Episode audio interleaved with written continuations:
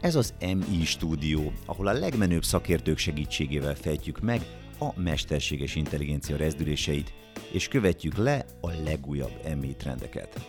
Hörömpölitót Levente vagyok, tartsatok velünk! A koronavírus járvány a tőzsdéket is alaposan megtépázta. A turbulencia azóta is tart, és megjósolhatatlan, hogy mikor állnak ismét tartós növekedési pályára a piacok. A látványos zuhanások még jobban előtérbe helyezik a veszteség minimalizálás kérdését. Ezért joggal vetődhet fel, hogy vajon ebben milyen szerepet játszhatnak a tőzsdei műveletek egyre nagyobb szeletét uraló robottanácsadók. Szakértőnkkel azt rágtuk át, hogy mennyire mehetnek biztosra az egyedi befektetők, ha ilyen robo-advisorok kezébe helyezik portfóliójuk sorsát, és az is kiderül, hogy idehaza milyen eséllyel futunk bele egy ilyen jellegű szolgáltatásba. Vendégünk Szalai Ferenc, a Navega Strategies alapítója, tulajdonosa, technológiai vezetője, amely cég intézmények és befektetési tanácsadók számára készít befektetési platformokat, és a hosszú távú befektetések mesterséges intelligencia alapú optimalizálására szakosodott. Nagyon örülünk, hogy itt vagy velünk, Feri. Köszönöm szépen. Mostanában ugye rengeteget lehet hallani eh, ezekről a bizonyos robo-advisorokról, de talán először is tisztázzuk, hogy mit is takar pontosan ez a fogalom, bár tudom, hogy ez nem egy egyszerű kérdés. Igen, az utóbbi időben a robot tanácsadás az egy népszerű témává vált a, a befektetési tanácsadás területén belül. Azt tudni kell, hogy automatikus befektetési tanácsadást nagyon régóta csinálnak, főleg intézményi és nagy, hosszú távú befektetéseknél, befektetési alapoknál, kvantitatív hedge fundoknál ez a fajta erősen robotizált, erősen automatizált befektetési mechanizmusok, ezek nagyon régóta jelen vannak a piacon. Az újdonság abban rejlik, hogy ezt elvisszük a végfelhasználóhoz, az egyedi befektetőkhöz, és megpróbálunk egy olyan rendszert létrehozni, amelyben a hagyományos befektetési tanácsadó szerepét algoritmusok, webfelületek, mobilfelületek veszik át, és a teljes befektetési folyamatot, tehát a kérdőív, amiben meg, megpróbáljuk megtudni, hogy a a befektető milyen célokkal, milyen kockázatvállalási képességekkel rendelkezik, magának a portfóliónak az előállítása, ennek a portfóliónak a különböző módon történő optimalizálása, adó és egyéb szempontokból, majd pedig a konkrét tranzakciók végrehajtása, és később a portfóliónak a, a, a befektető igényeihez és életciklusához történő igazítása, ez mind-mind automatikusan történik, tehát ebben lényegében a, a végső cél, hogy ebben semmilyen emberi beavatkozás ne történjen. Ez, ezt, a, ezt a rendszert, ami ezt az összes feladatot megpróbálja ellátni egyedi befektetők számára, hangsúlyozottan, ezeket hívjuk mondjuk a legszűkebb értelemben vett robottanácsadóknak. Tehát akkor mondhatjuk, hogy gyakorlatilag e, a hagyományos emberi pénzügyi tanácsadó szerepét veszi át most itt a, ez, ez, a, ez a bizonyos robot tanácsadó? Igen. A kedvenc mondásom az szokott lenni, hogy a robot tanácsadóknál nagyon sok a robot, és nagyon kevés a tanács. mert, mert a, a robotizáció az a, a jól meghatározott folyamatok automatizálására tud fókuszálni. Vannak kevésbé jól meghatározott folyamatok a befektetési tanácsadásnál. Milyenek, melyek ezek? Hát úgy tipikusan az olyan események esetén, mint amit most is láttunk a piac zuhanásánál, amikor a befektetőt arról kell megnyugtatgatni, hogy nem, ez nem az a pillanat, amikor ki kell venni a pénzedet. Főleg, hogyha hosszú távú befektetési stratégiákról beszélünk. Ugyanez, hogy igen, ha tudom, hogy a Béla azt mondta neked, hogy ez egy jó tipp, hogy vegyél Apple részvényt, de ez nem az a befektetési stratégia, amit neked követned kell. Tehát akkor úgy érzed, hogy egy ilyen helyzetben egy automatizált, megnyugtató e-mail üzenet nem teszi meg ugyanazt a hatást? Nagyon érdekes próbálkozások vannak ezzel kapcsolatban, de őszintén szólva nekem a saját tapasztalatom is az, hogy a pánikban ember embert tud megnyugtatni, robot kevésbé. És robot-robotot? Robot-robotot meg tud nyugtatni, bár a, a piacok erősen szinkronizáltak az automatikus befektetési algoritmusoknak köszönhetően, úgyhogy ezek sokak szerint erősítik is az ilyen pánikhatást, mások szerint pedig likviditást nyújtanak a piacon, tehát hogy egyáltalán, ugye mert csak akkor tudsz eladni részvényt, hogyha van, aki megveszi még ebben a helyzetben is. Úgyhogy nagyon sok hedge fund és nagyon sok nagy befektetési alap ugye ezeknek a trédeknek a másik oldalán van, és likviditást biztosít az olyan helyzetekben is, ami, ami pánikszerű. Ezt automatizált módon teszik lényegében, úgyhogy, úgyhogy a robot van ennek, ezeknek a sztoriknak a másik oldalán is, hogy ilyen értelemben robot nyugtat robotot robot ad el, és robot vesz.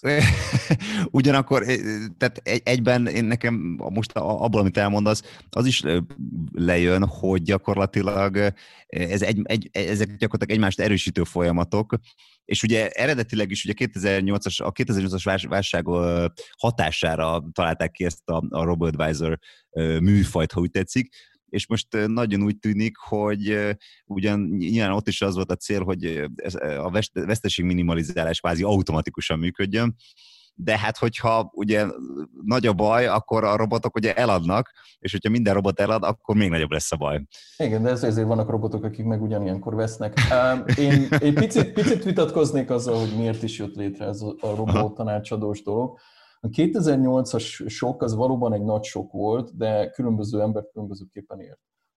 Nincs olyan komolyan vehető befektetési tanácsadó, cég sem, és Robert Advisor sem, aki azt ígéri neked, hogy ilyen típusú sokkok esetén ő veszteséget tud minimalizálni. A hosszú távú befektetési stratégiáknak az alapja az az, hogy amikor a piac pánikor, akkor te nem és nem veszed ki a pénzedet, mert, mert hosszú távon. Gondoljuk csak, gondoljunk csak bele, hogy 2008 az eltartott mondjuk háromnegyed év, egy évig, és akkor volt egy 50%-os mínusz, utána meg volt 10 év 400%-os plusz. Uh-huh. Bőven visszahozott mindent az elmúlt 10 év. Sokak szerint fűtve is volt a piac, tehát hogy még ez túlzás is, ami történt de jól mutatja, hogy ha megnézed, minden sok után van egy, egy, egy hosszú visszatérési szakasz. Tehát, hogyha semmit nem nyújtál Igen. volna a pénzedhez, akkor jártál volna a legjobban, mert általában, amikor hozzányúlsz a pénzedhez pánik esetén, akkor, akkor jellemzően többet veszítesz, mint hogyha nem nyúltál volna hozzá. Ez, ez ilyen alapvető szabály, ez semmiféle mesterséges intelligencia nem kell. A mesterséges intelligencia ahhoz kell, hogy ezt a stratégiát az ember követni tudja, és ráverjen a kezedre hogyha ha, ha, ha butaságot akarsz csinálni.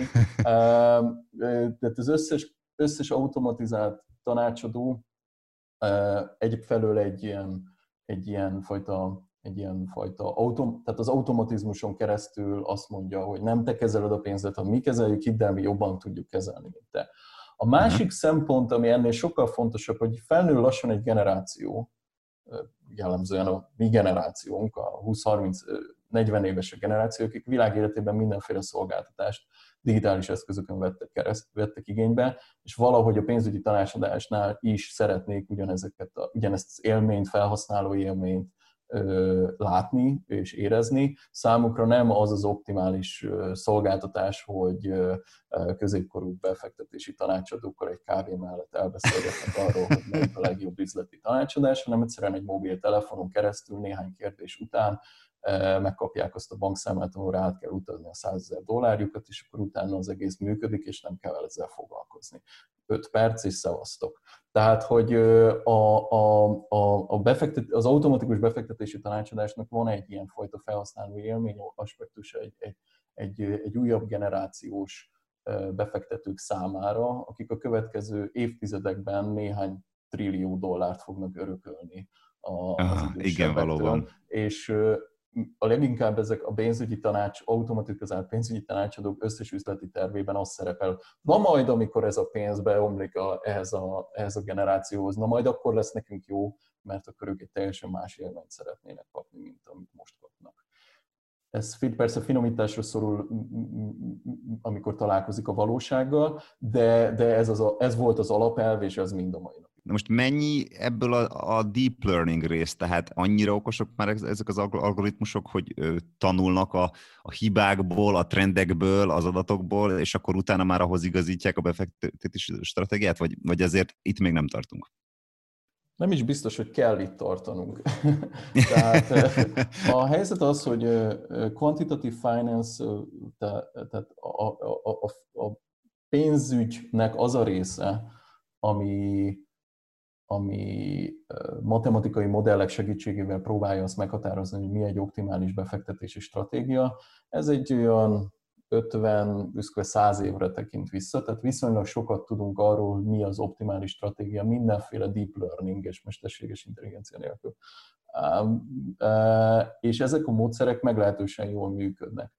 Ahol, ahol általában, tehát ahol deep learning, mesterséges intelligencia befektetéseknél megjelenik, a sokkal inkább a hedge fundok, azok, akik rövid távú befektetési stratégiákban, rövid távú anomáliákat a piacon próbálnak felismerni, és ezekben a mozgásokban próbálnak pénzt csinálni.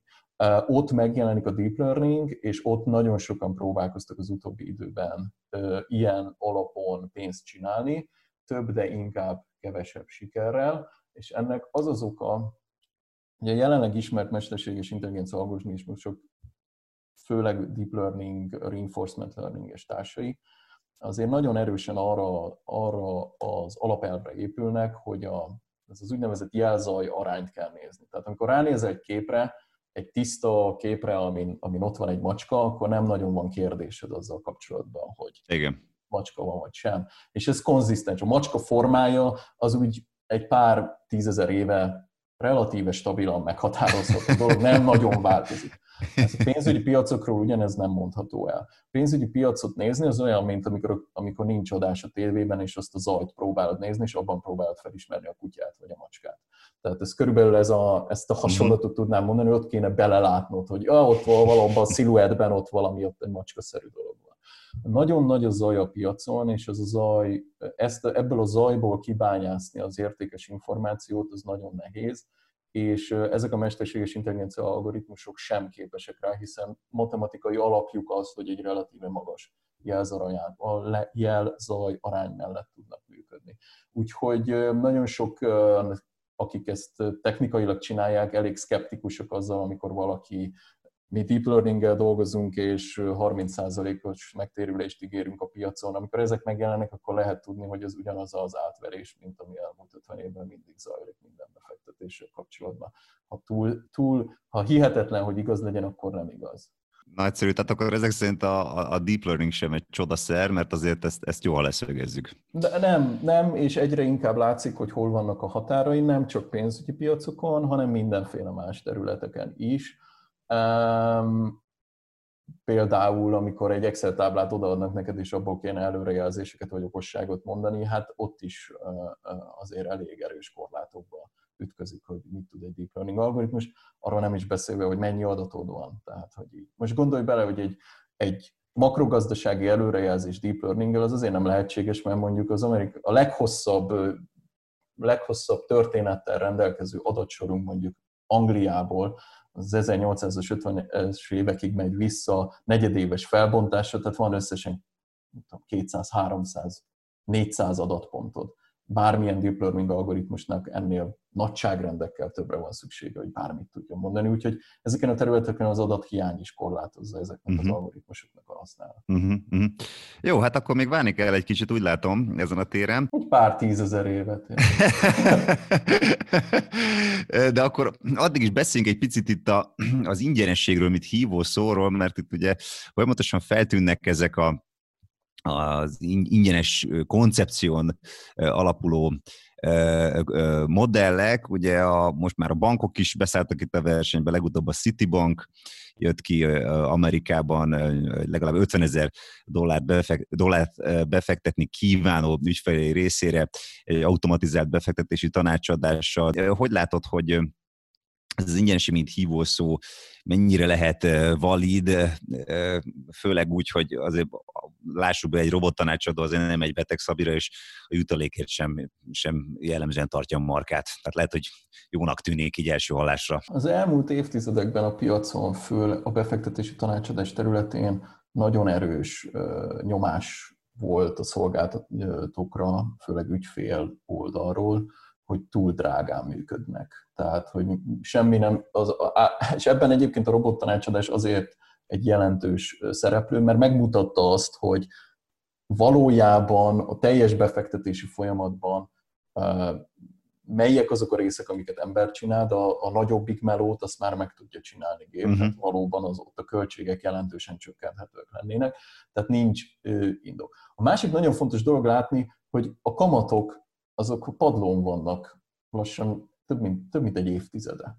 Igen. Tehát, hogyha a, kamatok a padlón vannak, és nincs néhány százalékos megtérülésekről beszélünk, és közben ugyanennyi, ugyanekkor a költségekről beszélünk, akkor az a, a nettó megtérülés az közel nulla lesz. Tehát, hogyha én, ha én egy US bondon kapok másfél százalék megtérülést, és közben kifizetek egy százalékot kezelési költségként a befektetési tanácsadónak, akkor a teljes nyereségem fél százalék vagy annyi se. Igen. A másik oldalról van egy ilyen nagyon erős nyomás, hogy alacsony kamatok esetén a költségek nem lehetnek összemérhetők a kamatokkal vagyis a, a, a várható megtérüléssel. Tehát ez a két irányú nyomás a szolgáltatókat arra ösztönözte, hogy menjenek lefele. Most a probléma az az, hogy ez koncepcióváltást igényel. Mert hogyha eddig az volt, hogy búsásan megtérülő hasznokat tudunk néhány milliárdos portfólión csinálni, egy-két százalékos költségek mellett, akkor mindenki boldog, mindenki hazamegy, és a, a befektetési tanácsadók a Wall Street királyai hogyha 0,00%-os megtérül, költséget tudunk elszámolni ugyanezen, akkor már nem is annyira menő ez az iparág. Aha. Úgyhogy valami mást kell kitalálni. És akkor itt jön az, hogy jó, akkor vigyük ezt a, a, vigyük ezt a falig, legyen nulla, és csináljunk máshogy pénzt. Ugye minden esetben az a mondás, hogy ha valami ingyenes, akkor valahol máshol csinálnak pénzt ezek a szolgáltatók. Igen. Mindenki, aki mhm. ingyenes szolgáltatást ígér, az valahol mást fog, fog neked pénzt csinálni. Ez ugyanaz, mint az ingyenes banki szolgáltatás, az csak addig ingyenes, amíg igényben nem veszel befektetési tanácsadást, biztosítást, vagy nem tudom én, külföldi tranzakciót csinálsz, vagy bármi olyat, ahol ő pénzt tud csinálni, vagy hitelt veszel fel. Hát az ingyenesség az hívószó bizonyos embereknek, de végül előbb-utóbb valahol mégiscsak ki kell fizetni ezeknek a szolgáltatásoknak az árát. Ugye megtanulták a tech cégektől, hogy nem muszáj feltétlenül közvetlenül kifizettetni a felhasználóval, lehet, hogy valaki más sokkal szívesebben fizet egy, valami adatért, vagy információért a felhasználókról, vagy a felhasználó tevékenység. Nagyszerű. Hát igazából itt kellene most szünetet tartanunk, és szerintem fogunk is, hogy meghallgassuk a legújabb mesterséges intelligencia híreket, és akkor utána pedig ismét belevetjük magunkat itt a robot tanácsadás világába. Mindjárt jövünk.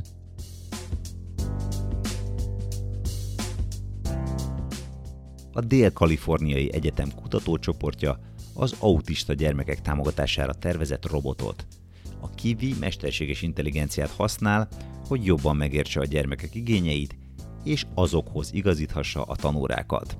Próbaüzeme egy hónapon keresztül zajlott 17 autista gyermek otthonában. Az órák világűr témájú matematikai játékok körül koncentrálódtak egy táblagép bevonásával. A kivi tanított, valamint visszajelzéseket is adott, amelyek során gratulált a gyermekeknek a helyes válaszokhoz, vagy tippeket adott helytelen válasz esetén. A kritikusok azonban aggájaikat fejezték ki. Alena Boix, a Müncheni Műszaki Egyetem orvostudományi és egészségügyi technológiai etikai professzora elmondta, a mesterséges intelligencia módszereket nem lehet és nem is szabad az emberi orvosokat helyettesítő, olcsó megoldásként felhasználni. A fejlesztők válasza erre az, hogy az emberi terapeuták alapvető fontosságúak, de nem mindig állnak rendelkezésre, vagy nem mindig megfizethetők a családok számára. A legfrissebb frissítés óta az idiomákat, vagyis az átvitt értelmű, állandósult szókapcsolatokat is képes megérteni az IBM szuperszámítógépe, a Watson. A Watson új NLP, azaz természetes nyelvfeldolgozás rendszere adja a Project Debater alapját, amely jelenleg az egyetlen mesterséges intelligencia megoldás, amely komplex témákban képes vitázni emberekkel. Ahhoz, hogy a vitában részt vehessen, a Project Debaternek képesnek kellett lennie arra, hogy meghallgassa ellenfelét, megértse érveit, és gyorsan megfogalmazza a választ. Ez azt jelentette, hogy a számítógépnek képessé kellett válnia a kolokvializmusok és idiomák, valamint bizonyos dialektusok és olyan iparág specifikus kifejezések azonosítására és értelmezésére, mint például a darásfészekbe nyúlt. Korábban a mesterséges intelligencia ezt úgy értelmezte, hogy valaki ténylegesen belenyúlt egy darásfészekbe. Az új eszközök felhasználhatók a dokumentumok átfésülésének hatékonyabbá tételére, kutatásra és az ügyfélszolgálat fejlesztésére is.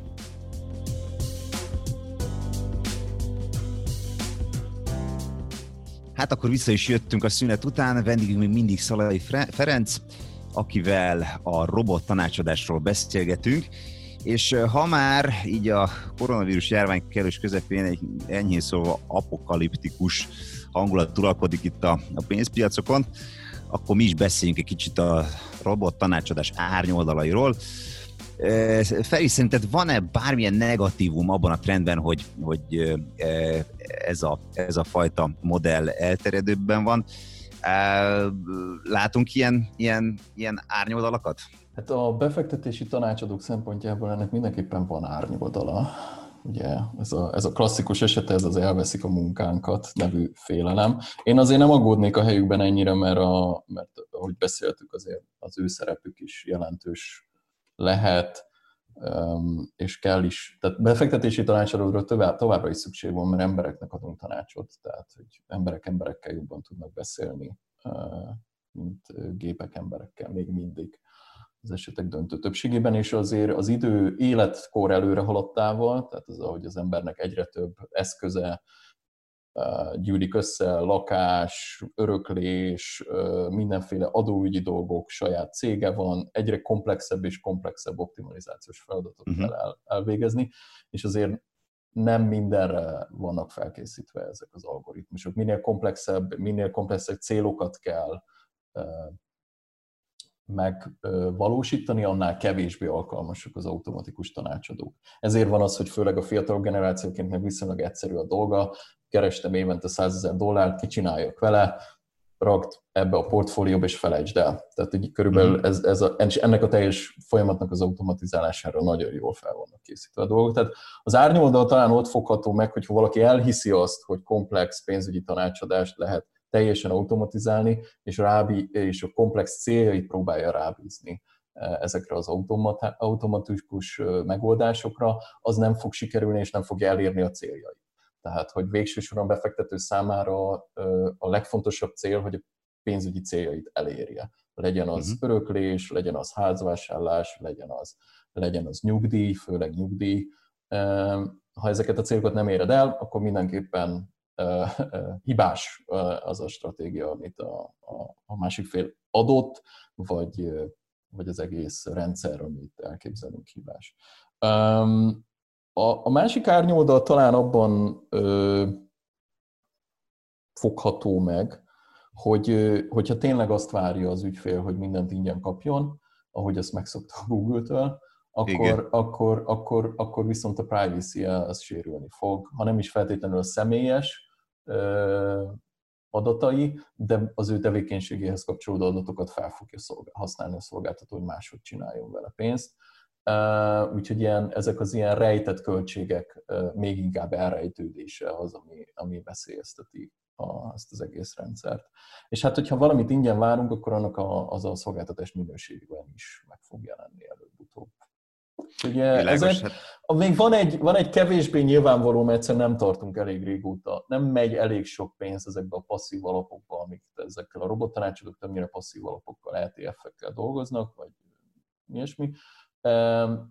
És például a Wellfrontnak a példája mutatja azt, hogy ha nagyon lenyomod a költségeket és minden passzív, akkor nehezen tudnak pénzt csinálni, és elkezdenek olyan eszközöket ajánlani, vagy olyan megoldásokat ajánlani, amik sokkal nagyobb kockázatot igényelnek, és a befektető ezzel nem feltétlenül van benne tisztában, és akkor belecsúsznak olyan, olyan sztorikba, ami, ami senkinek nem jó. Uh, illetve, hogy az egész piacon a passzív alapok uh, túlsúlya az milyen szisztematikus kockázatokat tartalmaz, azt egyelőre nem tudjuk, nem csináljuk elég régen.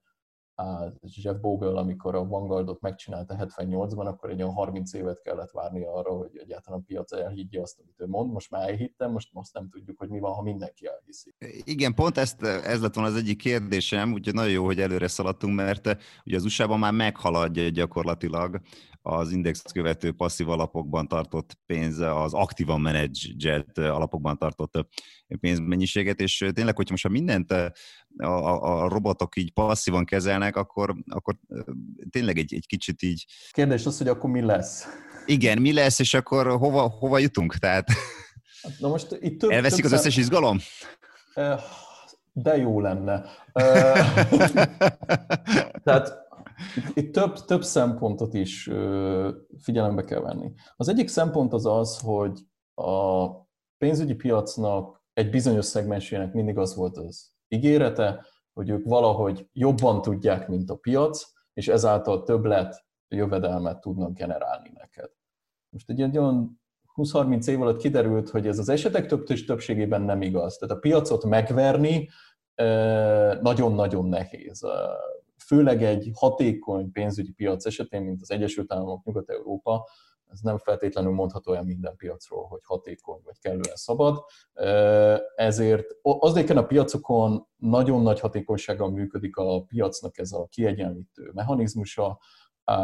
Mindig lesznek olyanok, akik egy rövid ideig meg tudják verni a piacot, de hosszú távon, évtizedeken keresztül konszisztensen megverni a piacot, ez egy nagyon nehéz dolog, erre csak nagyon-nagyon kevés szereplő képes, és ők is jellemzően valami olyan információhoz férnek hozzá, ami, ami a szerepükből, méretükből, vagy, vagy, vagy egyéb olyan dologból, ami egyfajta ilyen uh, unfair advantage jelent számukra, ezért tudják ezt megtenni.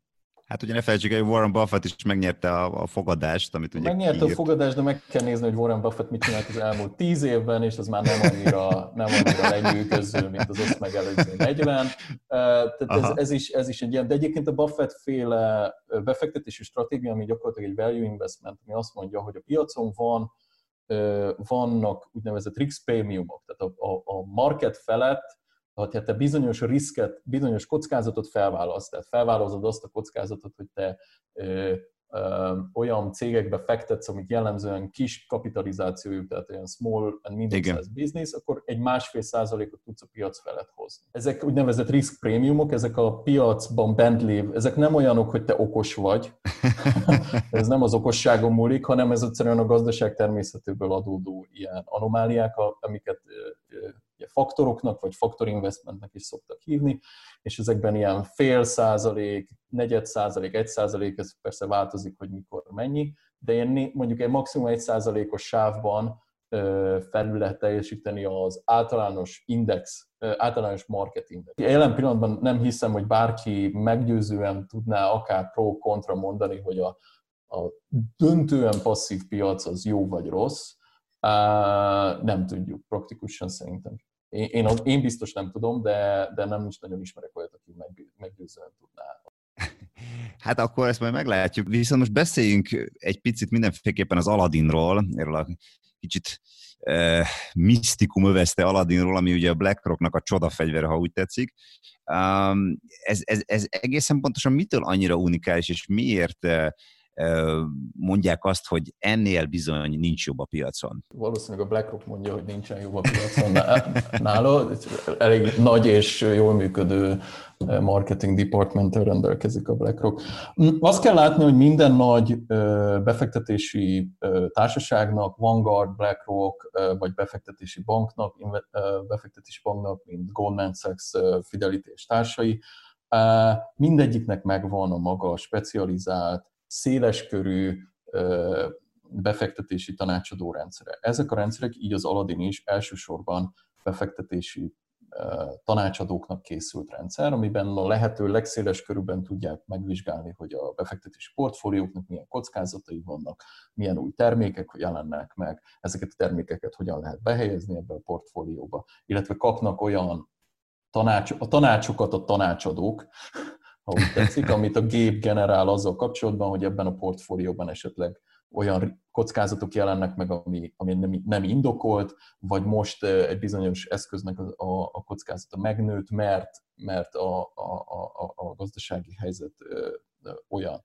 Um, úgyhogy ez, ez egyfajta ilyen monitoring, portfolio management, és mi. Ezek fél, félig automatizált dolgok, tehát hogy nagyon sok ilyen szabályrendszer alapú mechanizmus lehet ilyenkor be. Ez egy komplex rendszer, mert amikor meghoztuk azt a döntést, hogy oké, okay, milyen eszközből mennyit vegyünk, utána még van száz apró lépés, ami, ami, ami részben vagy egészében automatizálás, és az egész pénzügyi rendszer az ezután kezdődik. Köz, közvetítők, brokerek, uh, prime brokerage, investment bankek, in, intézményi befektetők, hedgefondok, a tényleges végrehajtás, a trading, tehát nagyon-nagyon sok olyan dolog van, ami azután jön, hogy eldöntöttük, hogy a mi portfóliónkba XY eszközből ennyi meg annyi kell. És mindennek a menedzsmentje tud egy ilyen befektetési platformon keresztül zajlani.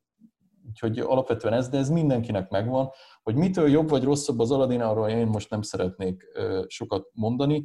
Egy dolgot biztosan tudok neked mondani, hogy az ilyen típusú rendszerekben a makrogazdasági világ és a, a, a klasszikus befektetési világ nincs összekapcsolva, tehát nem nagyon tudod azt megmondani, hogy mondjuk egy tartós amerikai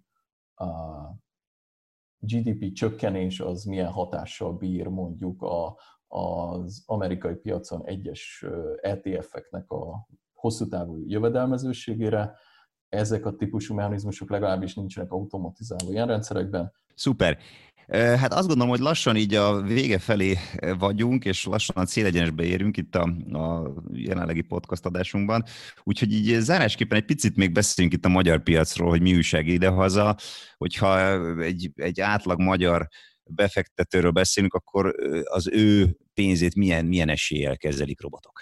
Elég kicsi. Ma, ha valaki automatizált befektetési tanácsadást szeretné igénybe venni, akkor legjobban jár, hogyha külföldi banknál nyit bankszámlát. Nem fogok mondani cégneveket, de viszonylag gyorsan meg lehet találni őket. A magyar piac az egy nagyon speciális piac, mert rettentő kicsi. Rettentő kicsi, rettentő kis mennyiségű pénzt kezelnek a magyar piacon, összehasonlítva a, a, a világ többi részével, és ezzel párhuzamosan rettentő drága, nagyon magas költségek mellett tudják a befektetési alapok. Sok esetben ugyanazokat a termékeket, vagy közel ugyanazokat a termékeket árulni, amit mondjuk egy Vanguard vagy BlackRock ilyen 5 bázispontos áron ad, azt mondjuk nálunk nagyon sokszor 1 százalék mellett, tehát akár 20-50 szeres különbség is lehet a, a költségekben a magyar piac és a nemzetközi piac között, ez javarészt a méret, méretből mhm. adódik. Uh-huh. Magyarországon nagyon kevés pénz van fiatalok kezében, ahol, ahol sok pénz van, azok jellemzően az 50 plusz, 55 plusz vállalkozók és egyéb szereplők. Az ő, ő, az, ő, az ő elképzelésük arról, hogy hogy kell befektetési tanácsadást kapni, az még mindig az, hogy felhívjuk Bélát, az én brokeremet. Úgyhogy az ő oldalukról igényszerűen is nehezen, kevésbé jelenik meg az, hogy ők ezt teljesen automatizáltan szeretnék kapni. Ennek megfelelően a piac a kiszolgáló oldalról is jelen pillanatban arra van berendezkedve, hogy jellemzően emberekkel végezteti ezt a, ezt a dolgot. Rendszerűen én azt látom, hogy azok, akik ma már ma szeretnének ilyen szolgáltatást igénybe mint például én is, azok egyszerűen nem veszik igénybe a magyar banki rendszert hmm. praktikusan. Ugye ilyen típusú trendeket egyre inkább megfigyelhetünk a klasszikus banki szolgáltatásoknál is, hogy bizonyos korosztály egyszerűen csak felmegy az internetre, rendel magának egy bankszámlát bankkártyával és használja azt. Tudjuk, hogy ennek mi a kockázata, de azt is tudjuk, hogy ennek mik az előnyei. Hasonló trendet látok én befektetési tanácsadásban is. Európa nagy, a világ nagy, angol nyelven egyre többen beszélnek, egyszerűen el fognak menni oda, ahol ezt a mhm. szolgáltatást megkapják. Hogy a magyar piac erre hogy fog reagálni, azt majd nagyon könnyű lesz azon lemérni, hogy hogy fog reagálni a, a külföldi ilyen challenger bankoknak a, a kihívásaira. Körülbelül úgy, én szerintem egy öt éves tolás lesz a befektetési szolgáltatások és a banki reakciók között. Én nem várom azt, hogy a következő nem tudom, egy évtizedben Magyarországon jelentős változás fog végbe menni abban, hogy milyen pénzügyi termékeket, milyen költség mellett és milyen módon próbálnak ajánlani szereplőknek. Utána mi lesz, azt meg nem tudom. Nagyszerű. Hát akkor azt hiszem, hogy ezekkel a gondolatokkal zárhatjuk itt sorainkat. Nagyon szépen köszönjük, Feri, hogy velünk voltál ma. Nagyon szívesen. A hallgatóknak pedig köszönjük szépen a figyelmet. Mindenki vigyázzon ezekben a vészterhes időkben. Találkozunk legközelebb. Ez volt az Emmi stúdió, ahol a legmenőbb szakértők segítségével fejtjük meg a mesterséges intelligencia rezdüléseit. Az Emmi stúdió az Emmi Koalíció podcastja, amely a hazai mesterséges intelligencia ökoszisztéma szakmai fórumaként működik. Még több tartalomért kövesd az Emmi stúdiót a nagyobb podcast platformokon, és ne felejtsd el értékelni az adást. Az észrevételeket, megjegyzéseket az Emmi Koalíció kukac gmail.com e-mail címre vagy a Mesterséges Intelligencia Koalíció közösségi média felületein várjuk. Találkozunk a következő epizódban.